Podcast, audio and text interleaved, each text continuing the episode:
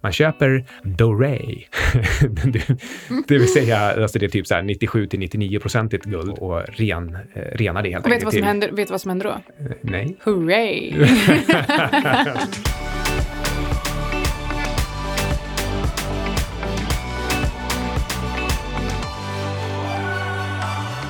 Hej, du lyssnar på Outsiders med Syding och Svan. Idag ska vi prata om eh, aktuell räntepolitisk utveckling. Tänk om någon hade sagt till mig för några år sedan att jag skulle tycka att det var jätteroligt. Eh, teknik och guldgrävande samt uppdateringar på Spotify och eh, Aselio. Och vi har faktiskt pratat med Aselios vd Johan Eklind efter emissionsbeskedet som emissionen i sig är inte förvånande. Emissionskursen blev vi däremot lite, lite tagna av. Men det, det kommer lite senare och vi vet att det är många lyssnare som har frågat om det eftersom att vi har lyft Aselio tidigare på den. Men till något roligare så var ju faktiskt Spotify, de släppte ju en fantastisk rapport som vi också ska komma in på. Ja, så Jonas och Spotify senare.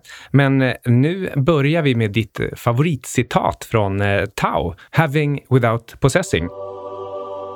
Och jag har ju pratat om det här tidigare i podden, kanske inte just Tao, men att jag inte gillar att äga saker. Och jag brukar kalla det för asset light, att man har lite tillgångar.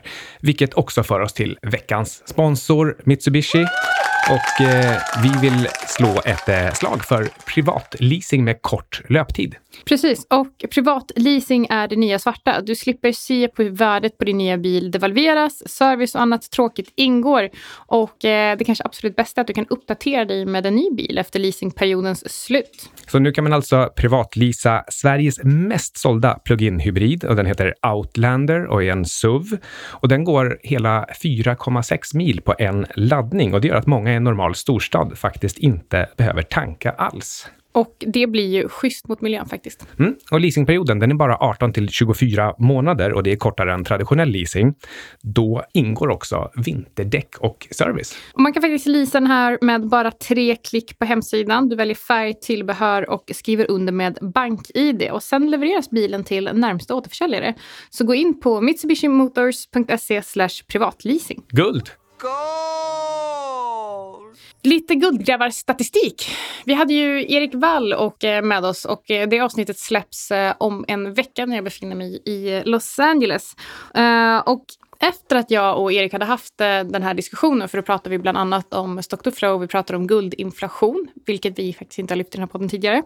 Och, ehm, och så här, man brukar så här godtyckligt säga att, eh, att inflationen ligger på typ 1,8 procent och att det har varit så hela tiden. Eh, och jag bestämde mig för att i vanlig ordning, det här är ganska typiskt mig, någon säger någonting och jag säger ja, det är mycket möjligt och så letar jag upp och räknar själv för att annars så är det lätt att felaktig information sprids. De allra flesta, inklusive jag, om någon säger att eh, mängden guld som tas upp är 1,6 till 1,8 procent av befintlig stock, då tänker jag, ja, men då har de kollat upp det. Annars så skulle man inte säga så noga. Och, och så utgår jag från att det är det det är och så fortsätter jag diskussionen därifrån. Men det är ju riktigt dumt. Det är faktiskt det. Så det första jag gjorde var att, eh, för jag upptäckte då att eh, vad därifrån, för det började med att vi såg den här intervjun med Breedlove, magisk intervju för övrigt, men där snackade man om eh, stock to flow, och att det skulle vara 55-60 för guld och jag tänkte att undrar om det verkligen stämmer för att jag har läst på andra ställen att den skulle ligga närmare 70. Så nej, men jag eh, kollade helt enkelt eh, upp det och eh, jag tittade egentligen från 2010 och framåt för den datan som jag kunde skrapa fram på två minuter för att jag ville ändå inte lägga så mycket tid på det. Men eh, guldinflationen mellan 2010 till 2018 har legat eh, mellan 1,7 till 1,84 procent så det stämmer faktiskt. Men det som faktiskt inte stämde det var att när de lyfter de här siffrorna innan då har de faktiskt eh, pratat om att guldstocken som existerar idag, att den är lägre än vad den faktiskt är. Och det gjorde att jag faktiskt ville dubbelkolla siffrorna. Sen stämde ju guldinflationen i sig cirka. Men det är också så här, du och jag pratade ju om det här att eh, det är ju mer intressant att titta ännu längre bak. För att under den här perioden så har ju guldpriset också legat på ganska höga nivåer jämfört med tidigare. Mm, framför allt så var det så att mellan 2000 och 2011 så steg guldpriset väldigt mycket. Alltså det gick upp sex gånger. Och i en sån här kapitaltung industri så kan man ju gissa vad som händer då. Om priset på någonting stiger sex gånger och det handlar om att gräva hål i marken och, och, och plocka upp det här, ja, då är det självklart att det kastas massa pengar in i industrin för att skapa ny produktionsutrustning. Alltså, det, det genomförs massa, massa investeringar och det här tar tid. Alltså, det är långa cykler för att bygga nya gruvor. Och det innebär, okej, okay, vi vet inte det här, men det här är min hypotes, att eh, under den här uppgången, då börjar man dra igång gruvprojekt och de gruvprojekten, de kommer ju online mellan 2010 och 2018. Så det är inte så himla konstigt att man har lyckats få upp liksom extra mycket guld 2010 till 2018 jämfört med tidigare. Men nu har vi då istället gått igenom en ordentlig björnmarknad för guld, vilket innebär att jag tror att nästa decennium, ja, då finns det mycket mindre nya gruvor och nya, nya eh, jag vet inte borrhål, men, men gruvhål eh, som, som kommer online. Och det innebär att jag tror att den här guldpris, alltså guldinflationen, mängden guld som tas upp i förhållande till befintlig stock, den kommer falla neråt från de här 1,84. Och eh, jag antar också att det är som så att man... Eh, det här är ju också en period där bitcoin faktiskt eh, uppfanns eller, eller föddes. Så jag antar att det kanske är därför som man bara har tittat på den här tidsperioden. Men i och med att guld har funnits så, himla, så pass himla mycket längre så är det mer intressant att titta på data längre bak i tiden.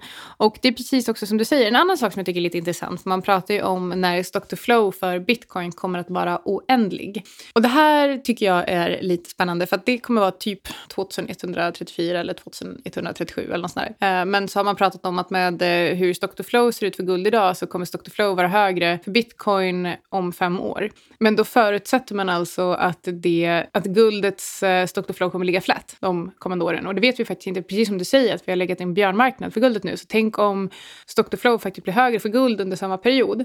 Och det känns lite som att man, det känns lite som att man selektivt har lyft siffror för att den ena tillgången ska se bättre ut än den andra. Men sen är det också så här, det är skitsamma hur hög stock to flow det är eller hur, hur scarce en tillgång är om det inte finns någon efterfrågan på den. Och än så länge finns det mycket, mycket, mycket högre efterfrågan på guld än vad det finns bitcoin. En annan sak som jag tycker är intressant att lyfta är när man pratar om att bitcoin är framtiden och guld är historien. Och man vill ju investera i ny teknologi. Men eh, det är inte ny teknologi. Nej, titta på mobiltelefoner som är tio år gamla. Det är så gammalt eh, protokollet för bitcoin är. Precis, så, och ska man då lyfta det här som ett case för att det är bitcoin eller andra kryptovalutor som man ska ha om hundra år, då ju, kommer bitcoin vara en teknologi som är över hundra år gammal jämfört med guld som har fungerat i flera tusen år. Så att, och, jag, och då, då ska jag också som sagt vara tydlig med att jag tycker att man ska köpa bitcoin och guld, vilket både jag och Erik var överens om. Men att prata om att det är eh, scarcity eller, ehm, eller stock to flow eller eh, teknologin, alltså framtiden, att det är det som är huvudanledningarna, det håller jag faktiskt inte med om. Däremot så tror jag att vi i framtiden kommer se eh, någon typ av kryptovaluta som betalmedel som används för transaktioner medan guld är det som är värdebevarande. Mm, överhuvudtaget så tror jag att det är, eh, det är ganska dumt att tänka sig att folk ska gå runt med sedlar i framtiden. Så någon typ av, av digital valuta. Går du runt med sedlar idag? Ja, det, ja inte i Sverige. Men eh, i, i, USA så gjorde jag. Ja, det gör det, faktiskt inte det, jag där. Det är, väldigt, det är naturligt där på något sätt, tycker jag. Ja, det kanske är för att du inte har varit där på hundra år. Mm, ja, nej, men folk, folk vill ju ha dricks hela tiden. Men vi ska ju prata lite om andra sätt att exponera sig. Inte, jag vill inte kalla det för att exponera sig mot guld, utan däremot snarare att köpa bolag som på något sätt jobbar med guld. För att jag tycker ändå inte att det ger liksom en direkt exponering. Men det är ju nämligen så att man pratar lite om att eh, goldmines idag, de har, man har inte alls följt guldets utveckling. Så goldmines är billiga. Ja, och eh, inte minst så tror jag att det är en eh, M&A, alltså en uppköpsvåg på gång. Och det har då dels att göra med att, eh, att gruvaktierna har gått mycket mindre än guldpriset jämfört med vad de brukar göra. Eh, sen beror det på vilken, lite grann vilken tidsperiod man tittar på och vad man menar med värdering av, av guldgruvbolagen. Men eh, vårt eget favoritbolag bolag Gran Colombia, den ser faktiskt fortfarande billigt ut. Men eh, framför allt så vill jag då lyfta fram det här att när guldpriset tar fart på grund av de här långa capex-cyklerna så eh, det tar ju för lång tid att, eh, att eh, komma igång. Och då brukar det vara så i all typ av gruvbransch att man hellre ägnar sig åt uppköp. Så de, de stora stabila bolagen, de ser till att finansiera köp av de andra bolagen. Så det kan faktiskt vara ett intressant sätt att eh, spela det här på. Och visst, det går att göra via eh, guldgruvbolagsindex, men, men eh, det är ju faktiskt lättare för en svensk eh, eh ISK-ägare att, att köpa enskilda guldgruvebolag i USA till exempel och, och hoppas att de här lite mindre blir uppköpta av de större. Precis, det här är väl ett case som Erik Strand också har pratat ganska mycket om, men då fokuserat ganska mycket på silvergruvor tror jag. Ja, okej, okay. ja men det är precis, det stämmer. Och, och, det är förstås samma dynamik, även om jag, eh, ja, jag ändå tror att, att guld det är svårt att säga vilket som är intressantast. Det finns ju alltid, alltid mycket större uppsida i silverbranschen, för den är mycket hetsigare och priserna kan gå mycket snabbare och sådär. Men, men samtidigt så det finns ju inga renodlade silver, silvergruvor. Innan vi går vidare så tänkte jag förresten att vi kan prata om, för att jag nämnde ordet guldinflation, jag vet att vi inte pratat om det innan, så vi kanske bara kan förklara kort vad det faktiskt innebär. Eh, och inflation betyder alltså ökning av penningmängd och då kanske ni tänker, men man kan inte trycka mer guld och det är inte riktigt det man gör heller. Men om man tittar på stocken, guldstocken för 2000, i slutet på 2017 eh, så var den eh, 190 400 ton, alltså det är den totala mängden guld som är uppgrävd, som finns över mark idag. Och eh, under 2018 så grävde man upp eh, 3500 ton, så då blev den totala stocken 193 500. Ja, eller 900. Va? Ja, just det, just det, just det, just det. Mm. precis, för jag glömde de sitter 400. Eh, och eh, då får man helt enkelt bara dividera eh, flow, alltså den, eh, den mängd som tillkom, de 3500, med den stocken som var befintlig, alltså 190 400 och då får man 1,84 4 procent. Mm. och det är alltså det som är den faktiska guldinflationen. Och, och, det här kan vara ett bra tillfälle att påpeka då att när vi pratar om inflation, då pratar vi ju egentligen alltid om ökningen av mängden pengar, det vill säga den ursprungliga österrikiska definitionen av inflation. Man har inflaterat mängden pengar.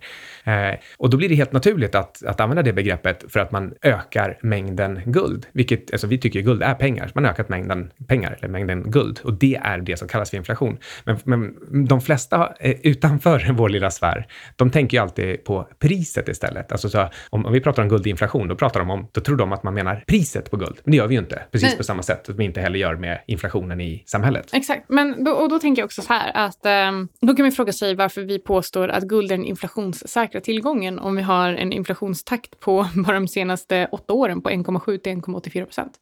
Och det är ju eh, för att eh, priserna inte, priserna på guld, eh, priset på guld inte påverkas nämnvärt av, eh, av inflationen i sig. Plus att det finns andra typer av användningsområden. Det här är ju fortfarande också en, en mycket mindre ökning av mängden guld än vad ekonomin växer. Absolut, precis. Så vad skulle den eh, faktiska... Det är jättesvårt att... Ja, nej, men alltså okay. en, en höftning så här från i luften bara, det är att vad, vad växer världens befolkning med? Det är någonstans 1 till 2 procent per år. Kan man inte sätta guldinflation i relation till uh, inflation för till exempel dollarn? Det skulle man verkligen kunna göra. Hur för många hur, hur, nya dollar skapas? Som trycks. Precis. Hur, hur är den faktiska dollarinflationen nu? Det kan vi inte heller i huvudet. Men uh, en liten tanke och tänkte ett litet uh, klargörande innan, innan vi går vidare. Men eh, så förutom guldgruvor då, eh, och de casen som finns för det så kan man också eh, investera i raffinaderier och det har vi gjort, eller du? Ja, det började egentligen som att det skulle vara ett, ett streamingprojekt och med streaming så menas att man, man köper en option från en guldgruva att få ta del av deras guldproduktion utöver en viss mängd. Så att när de, de, behöver, de behöver pengar upfront, då får de det av mig och eller av streamingföretaget. Och eh, givet en viss total ackumulerad produktion så kommer de släppa resten av produktionen till streamingföretaget som då får den extra billigt genom det här avtalet och sen kan, kan sälja den vidare. Nu eh, visar det sig att eh, trots att en del bolag har gått på knäna under guldbäsen så alltså, anar alla morgonluft. Så det är svårt att teckna de här kontrakten. Alla håller liksom ut och är extra giriga. Så kontrakten var så dyra och så svåra att få tag på. Kanske var vi också lite för små. Så att eh, vi blev utvecklades istället till ett raffinaderi. För det visade sig vara lite lättare, för raffinaderikapacitet, det behövs. Och, och där finns det en, en mer eh, tydlig marknadsprissättning. Man köper Doré, det vill säga alltså det är typ så 97 till 99 procentigt guld. Det ser knöggligt och smutsigt ut. Och sen Eh, som raffinaderi så smälter man ner det här och, och ren, eh, renar det helt och vet enkelt. Vad som händer, vet du vad som händer då? Eh, nej. Hurray! du är så töntig.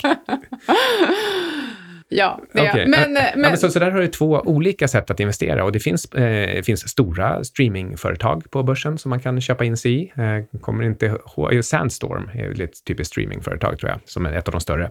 Eh, och eh, raffinaderier är jag inte riktigt lika säker på om de finns noterade. Eh, men däremot så, ja, man, man kan komma till mig om man vill köpa en indirekt andel i mitt. får jag göra det? Ehm, om du vill, men du känner ju till problemen också. Den här lilla skiljedomstolen. Den här lilla skiljedomstolen. Men eh, okej, för guld vill man ju ha när marknaden är orolig. Jag såg en intervju med Sven Henrich igår. Det gjorde du också. Ja, det gjorde jag. Jag jag hade tyvärr lite mycket jetlag kvar från LA, så jag somnade. Nej. Jo. Jag var... min pojkvän skrattade åt mig för jag satt i, i soffan i skräddarställning med rak rygg och en hoodie med luvan uppe och så satt jag liksom superfokuserad och tittade och så fort eh, och lyssnade och eh, förklarade också innan att eh, det här är liksom en av mina största idoler just nu. Det kanske är lite i, men typ jag tycker att jag kanske är hans största fan. Han är rolig, han är kunnig och han är smart. Alltså, Det Ja. är jättekul att lyssna på honom. Men i det här fallet så var jag trasig. Ja, men hur som helst, min, min pojkvän bara skrattade åt mig och så sa han, han tyckte också att det var superintressant, men, men han bara garvade åt mig. Ja, och sen så tvingade jag honom se en annan intervju med Howard Mark med sett. Men för de som eh, är lite intresserade av att få tillgång till Real Vision, som ju är livets grej, så kan man ju faktiskt få det gratis om man blir premiumkund hos IG Markets. Och IG Markets är en av våra sponsorer. Vi kör faktiskt ett event med dem ikväll. Vi kör lite bodyflight och eh, sen en middag för lite inbjudna gäster. Och kul. med ikväll så menar vi alltså vid själva inspelningstillfället, så det här har redan varit när du lyssnar på det här. Vi får se om vi bröt alla armar och ben. Men eh, vi har faktiskt snackat lite med Erik eh, Lindén också om eh, IGs kunder och vad de handlar just nu. Vi är ju sponsrade av IG Markets eh, även denna vecka och därför sitter jag här med Erik Lindén. Vad eh, är det som är nytt och spännande på IG Markets just nu? Ja, det händer jättemycket på IG och vi utvecklas från att bara vara en CFD-mäklare till att vara en komplett tradingmäklare. Så eh, nu har vi precis lanserat Turbo 24 och IG har traditionellt jobbat med CFD och är marknadsledande. Men nu ger vi oss på den mycket större turbomarknaden och tar det som är bra med turbo så att det är börsnoterade, börsnoterade värdepapper med flexibel hävstång, begränsad risk, men lägger även till vår egna twist och det är framförallt att vi kommer erbjuda handel 24 timmar om dygnet. Så från måndag morgon till fredag kväll. Det är enkla produkter att handla via vår hemsida eller via mobiltelefonen. Lätt att hitta det man vill ha. Likviditeten finns alltid där så att vi tar inte bort priser bara för att marknaden rör sig. Och så är det, på tal om priser, bra transparenta priser på de här produkterna. Är ni alltså ensamma om eh, 24 timmars handel med sådana här turbovaranter? Ja, det stämmer bra. Och det är, det är ganska annorlunda med 24 timmars tradingen. Och eh, med just turbovaranterna har vi även gjort så att det går att öppna positioner när som helst. Och det här är på, på råvaror, valutor, aktieindex. Eh, och du kan öppna och stänga positioner när som helst dygnet runt. Och så i turbovaranter finns det ju en garanterad stopp inbyggd, en knockout. Den gäller bara under börsens öppettider. Så handlar du dags så är det bara under den tyska börsens öppettider som du kan bli utstoppad. Har du köpt en långposition till exempel och marknaden går ner under kvällen förbi din knockoutnivå men hinner komma tillbaka innan marknaden öppnar så har du kvar din position. Det låter som en grym produkt, men eh, hur gör man om man vill lära sig mer om produkten? Ja, premiumkunder kan alltid komma i kontakt med mig eller mina kollegor på premiumteamet. Eh, och sen håller vi även webbinarier varenda vecka nu eh, där vi lär ut exakt hur man handlar och hur det fungerar på våra system att eh, trada Turbo 24. Så hör av er till oss så kan vi skriva upp er på webbinarierna. Tack så mycket, Erik Lindén på IG Markets. Tack IG Markets. Vi kanske ska ta en liten update av eh, Gran Colombia Gold. Vi har pratat eh, rätt mycket om det fram och tillbaka och jag har väl fortfarande det i min portfölj, antar jag. Ja, men fan vad jag handlar den snyggt alltså. Ja, berätta. Nej, men eh, jag sålde ju, vad var det, 35 eller 50 procent av innehavet på eh, 5,47. Backtrade. jag är faktiskt väldigt stolt över det. Det är samma sak med Spotify, där jag sålde eh, 50 procent av innehavet på, eller 25, först sålde jag, jag skulle frigöra mig om halva positionen. Så jag sålde halva av den halva på 142 och sen resten på 139 eller något sånt där. Eh, och sen så köpte jag mer på 116,50 typ för en och en halv vecka sedan. Och nu står den i 140 igen. Det är, eller ner lite det är nästan som man tror att du har någon direktkanal och Ja, men insider. jag har gått eh, Cavastus trender. Ja, okej. Ja, men det förklarar ju saken. är det här tillräckligt stort, eh, stort uttalan, utdelande bolag med trendig trend? Trend, trend. Nej, men eh, jag, eh, jag har en speciell eh, grej i Excel som jag trycker i saker i och den säger att man skulle köpa Spotify då. Okej, Eh, alla får två backtrades. det ingår i kursen faktiskt. Det är det man Ehm, får. Men Gran Colombia har alltså gått ner från 5,60 till 4,78 eh, och det här är då stängningskurser. Eh, Det är faktiskt bara 15 procents korrektion och det är lite mindre än vad Gran Colombia brukar göra när de är inne i- såna här korrektionsperioder som kommer några gånger om året faktiskt. Och eh, jag tror att det är två saker. Dels så har faktiskt guldpriset varit förvånansvärt starkt sedan det bröt ut i maj och det har liksom hållit sig här kring 1500. Det, det försöker bryta ner ibland. Fast idag föll det lite. Men, men det lyckas liksom ändå inte riktigt. Alltså, det har ju varit nere i kanske 1460, men, men att inte dra ner till 1360 till exempel. Jag, jag tror att det tolkas som ett nästan, nästan anmärkningsvärt styrketecken och det hjälper till att hålla uppe Gran Colombia så inte korrektionen blir större. Nej, men exakt. Jag funderar ju faktiskt på att eh, köpa lite mer ehm, på lite lägre nivåer. Men jag skulle faktiskt kunna tänka mig att vänta ännu lägre. Eh, jag skulle i och för sig kunna börja skala in nu.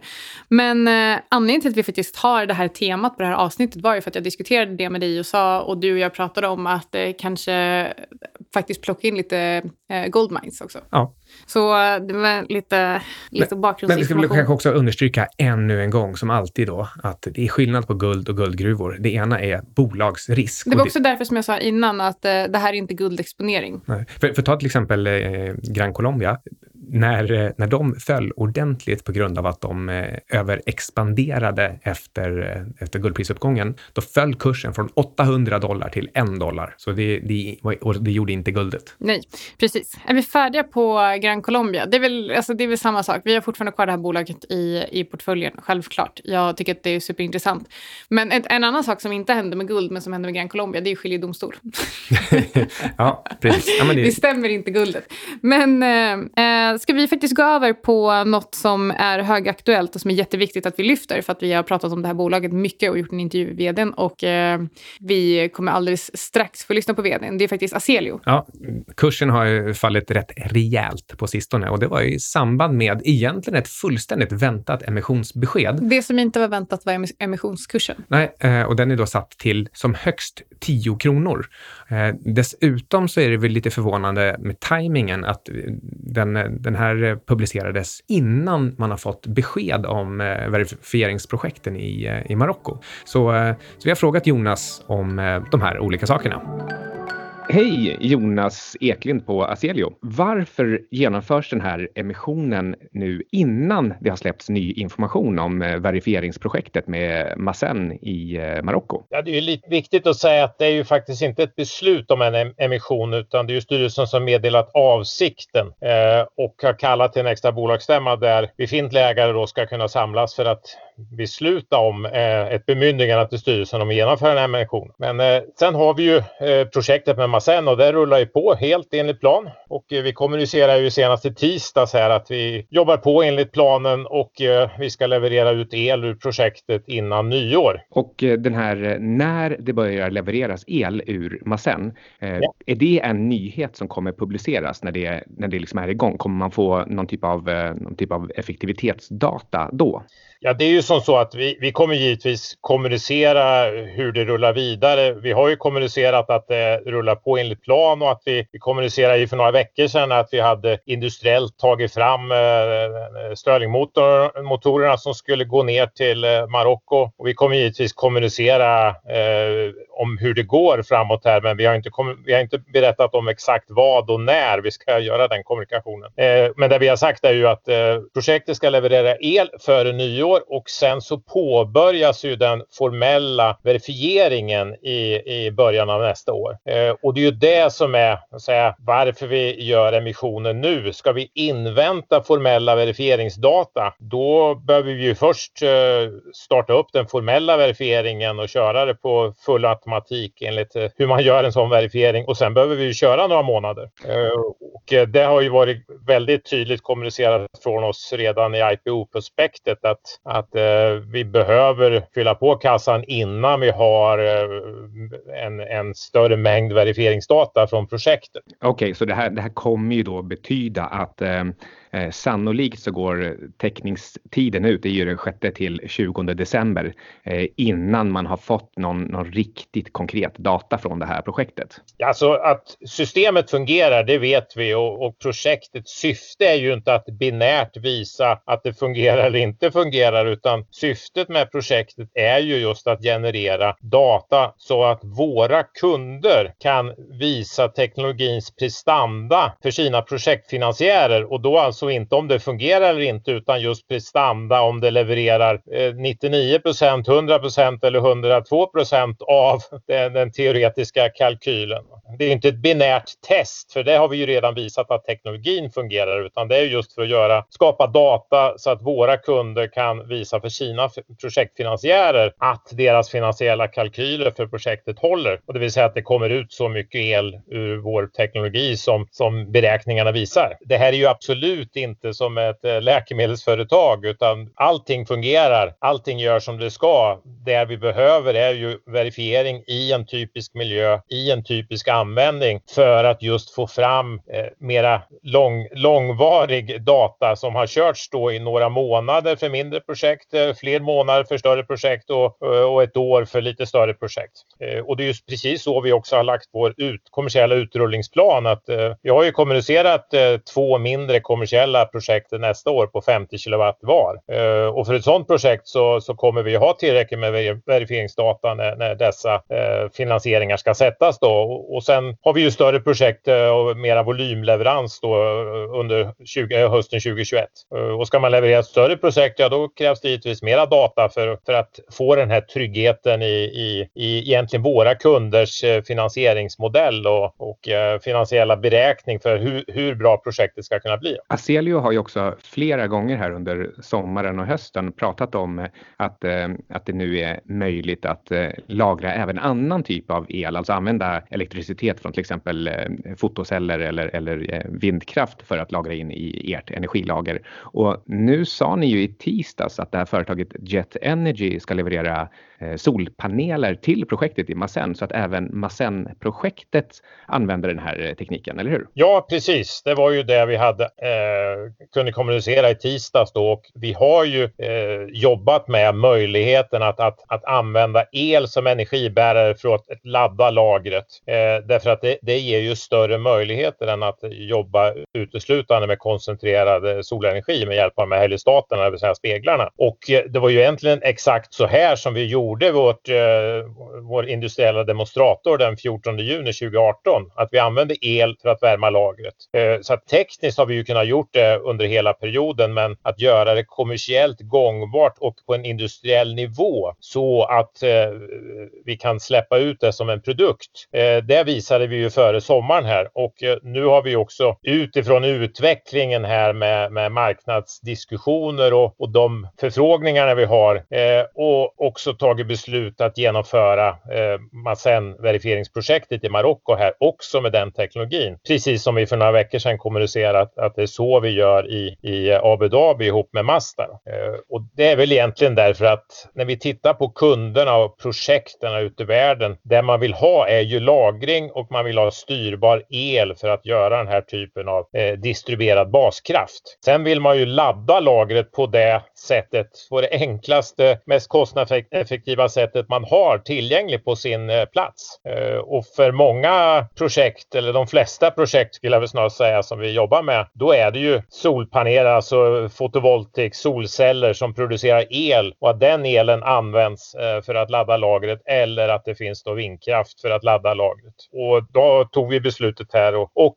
kunde också eh, göra ett avtal med Jet Energy att, att de ändrade sitt skop för vad de ska leverera till verifieringsprojektet. De har ju varit med som leverantör hela tiden men kommer nu då leverera just eh, eh solcellsprojektet.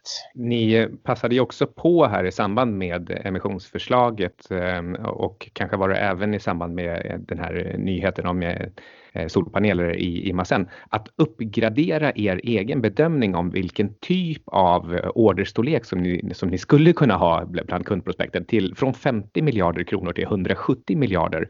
Eh, det, det är fantastiskt stora summor, men marknaden verkar inte bry sig. Känner ni er missförstådda? Ja, det, här är ju, det här är ju helt enorma siffror som det kanske är svårt att förhålla sig till. Men det är ju ett extremt starkt bevis för behovet på marknaden eh, av vår lösning. Eh, och när vi visade upp det här eh, den 14 juni 2018 så kommunicerade vi ju sen senare under 2018 att, att det, den eh, industriella demonstrationen skapade ju ett inflöde av av kvalificerade potentiella projekt eh, till ett värde av 50 miljarder och en gigawatt. Eh, och det som har hänt sedan dess är att vi givetvis har fortsatt att jobba på marknaden. Vi har ju en, eh, en, en grupp med personer som professionellt jobbar med det här. Men en stor del av det här kommer ju från att vi nu har kommunicerat att vi inte bara kan ladda via koncentrerad solkraft och i länder där CSP är passande utan vi även kan ladda med förnybar el från, från solceller eller vindkraft eller alla typer. Och det betyder ju två saker. Det ena att det har kommit in nya eh, förfrågningar som har sett oj, den här lösningen passar oss. Men det är också som så att de förfrågningarna som vi redan hade förra året, men som vi valde bort därför att de inte fanns i länder som passade för CSP, exempelvis Indien. De har vi ju nu kun, kunnat lyft in, in och eh,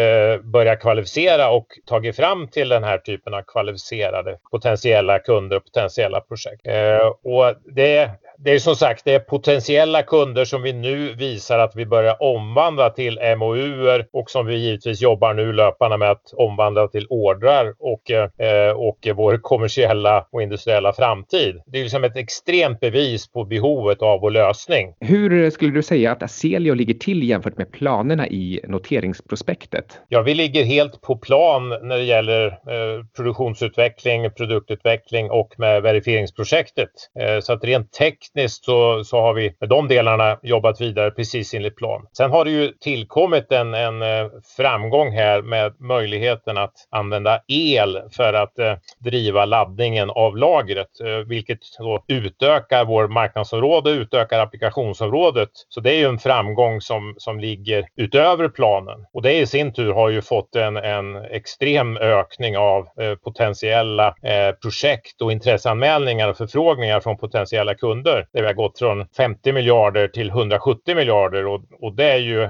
också en, en, en utökning av intresse från marknaden som, som går utöver den eh, plan och givetvis är extremt positivt. Och hur gick egentligen diskussionerna kring eh, eh emissionskursen? Det är ju förslag på att den ska vara max 10 kronor, vilket kan kännas eh, ganska lågt. Det här är ju en företrädesemission som, som riktar sig till våra befintliga ägare och då är väl väl det här upplägget det är det absolut det vanligaste sättet man gör en företrädesemission på. Det är ju befintliga ägare som har fått ett förslag från styrelsen en, om att eh, så här borde det göras och det är de befintliga ägarna som, eh, som ska besluta om, att, om det här ska göras eller inte den 26 november. Och, och i och med att det är en företrädesemission som riktar sig till befintliga ägare så behöver ju ingen eh, bli utspädd. För kursen i sig har ju, har ju för den enskilda ägaren ingen, ingen betydelse. Men då får jag tacka dig så mycket Jonas och eh, för säkerhets skull kanske vi ska lägga till här att eh, Aselio också sponsrar Outsiders.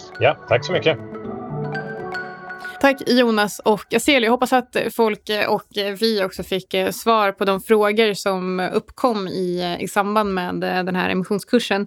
Och vi vill ju också då påpeka att vi är sponsrade av Aselio och äger aktier i företaget. Men de här aktierna som vi äger i företaget har vi köpt med våra egna pengar. Så det är inte som att vi... vi har faktiskt, jag vill också bara förtydliga, vi har inte bytt spons mot aktier kan vi väl vara väldigt tydliga med att säga. Så här är det. Vi har ju alltså snackat om att guld är pengar, men det finns ju de som tycker att Fiat är viktigare. Ja, men eh, där håller inte jag riktigt med. Men däremot så är Fiat är desto roligare kanske för centralbankirerna. De är ju en evig källa till, till humor. Det, det är liksom aldrig tråkigt i centralbanksfären. Fiat är ganska roligt. Jag är ju extremt negativt inställd till allt som heter Fiat. jag kan ju tänka mig äga dollar liksom, för att det är den bästa Fiat-valutan, trots att det är Fiat. Alltså det är, det är aldrig tråkigt med ekonomisk politik och det händer verkligen saker hela tiden. Som eh, till exempel, tycker jag är lite roligt, Argentina som jag brukar säga är världens sämsta land. Det stämmer ju inte riktigt för det finns Venezuela och Zimbabwe också. Men, eh, är det något speciellt du vill säga om Argentina eller? Nej, det är bara att det är, det som, de har ju en rejäl kris var tionde år och som håller på i ungefär ett decennium. Jag tycker så här, det bor ganska många där som nu har det ganska jobbigt just nu. Ja, så det, det är klart att, att de gör det. Men, och det är inte dem det är fel på, det är ju ledningen. Ja. Men det man också kan fundera över, det är ju varför IMF är där och bränner pengar var tionde år i tio år, när de ju faktiskt vet hur det kommer sluta. Och, och här kan man ju ta upp det här gamla ordspråket, är att du ska lära någon att knyta fisknät, inte ge bort fisken, för då lär man sig ingenting. How an economy grows and why it crashes. Mm. Ja, det senare skapar ju bara ett beroende så, och, och då, eh, då får det aldrig lyftkraft. Och jag tror att tyvärr så har både Grekland och Argentina fastnat i den här fällan av att det är någon annan som curlar dem och då, eh, då blir det aldrig bra. Innan vi faktiskt måste avsluta så tänkte jag att vi kan snacka lite om räntebeskedet som kommer nu från Fed. Ja, alltså nu, nu skäms jag nästan, men kom det idag? Nej, det var en kompis som, eh, som skämtade med mig. Vad var det för kompis? Nej, okej. Okay. Men så beskedet, beskedet kommer imorgon och då väntas ju Fed sänka 25 punkter. Frågan är, kommer de vara ännu, alltså kommer de lova ännu mer eller kommer Powell låtsas att det är one and done igen för tredje gången? Ja, det återstår att se. Jag tror att om vi bara, om jag bara får säga lite avslutande ord eh, om, så kan vi koppla in Riksbanken på det här, för det finns inget som är roligare. Vi pratar ju, Riksbanken och Ingves pratar ju om att höja räntan. Jag tror att den enda anledningen till att vi har en så högaktig riksbankschef är för att han vill få upp eh, räntan till noll, eh, till noll. Och sen så kommer den ligga där forever. men ja, men det är han, ju fortfarande rätt kass att vi ska göra det nu. Han, ja, precis. Och jag undrar verkligen om han kommer lyckas få upp den till, till nollan. Nej, men jag tror att hans intentioner faktiskt är där. Ja. Jag tror inte han försöker vilseleda någon. Nej, men okej. Okay, Förutom ja. sig själv då kanske. Det är väl liksom i och för sig så centralbankirer håller på. De, de vilseleder alla och sig själva.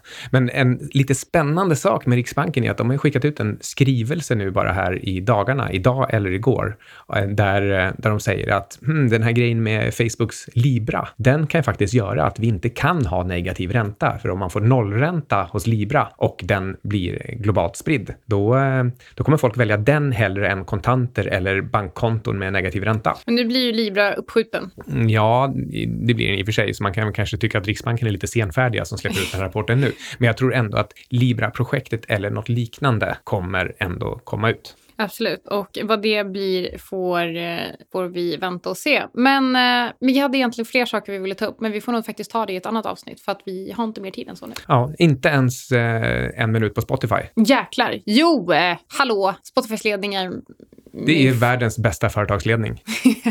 ja, men jag har sagt det flera gånger. Alltså, ta, fatta att du tar eh, någon slags piratföretag och i kamp mot varenda skivbolag i världen så lyckas du skapa ett företag som får streama den här musiken. Dessutom så lyckas du bygga upp det till ett av världens största musikföretag och som dessutom nu gör vinst. Jag tänker i alla fall inte låtsas som att det regnar. Jag tycker det var grymt gjort. Och det som jag framförallt är intresserad av när jag tittar på Spotify, det är användartillväxt och eh, utöver det, som, och den var ju fantastisk för övrigt, men utöver det så tycker jag också att det är fantastiskt att de lyckas med den typen av användartillväxt samtidigt som marginalen växer.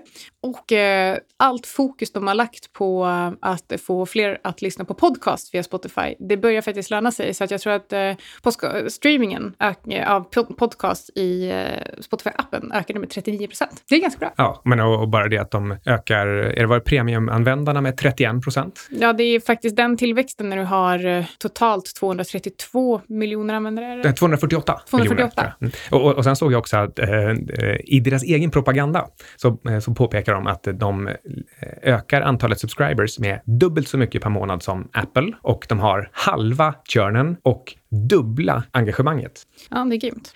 Grymt jobbat. Vi är glada. Glada ägare. Upp 20 procent typ sen Typ rapporten. 16. 16. Den är ner lite idag. Ah, okej. Men, eh, ja, men det var väl det då. Ja, Vi är då, nöjda och glada. Det har Ja. varit i några ganska tuffa månader för din portfölj.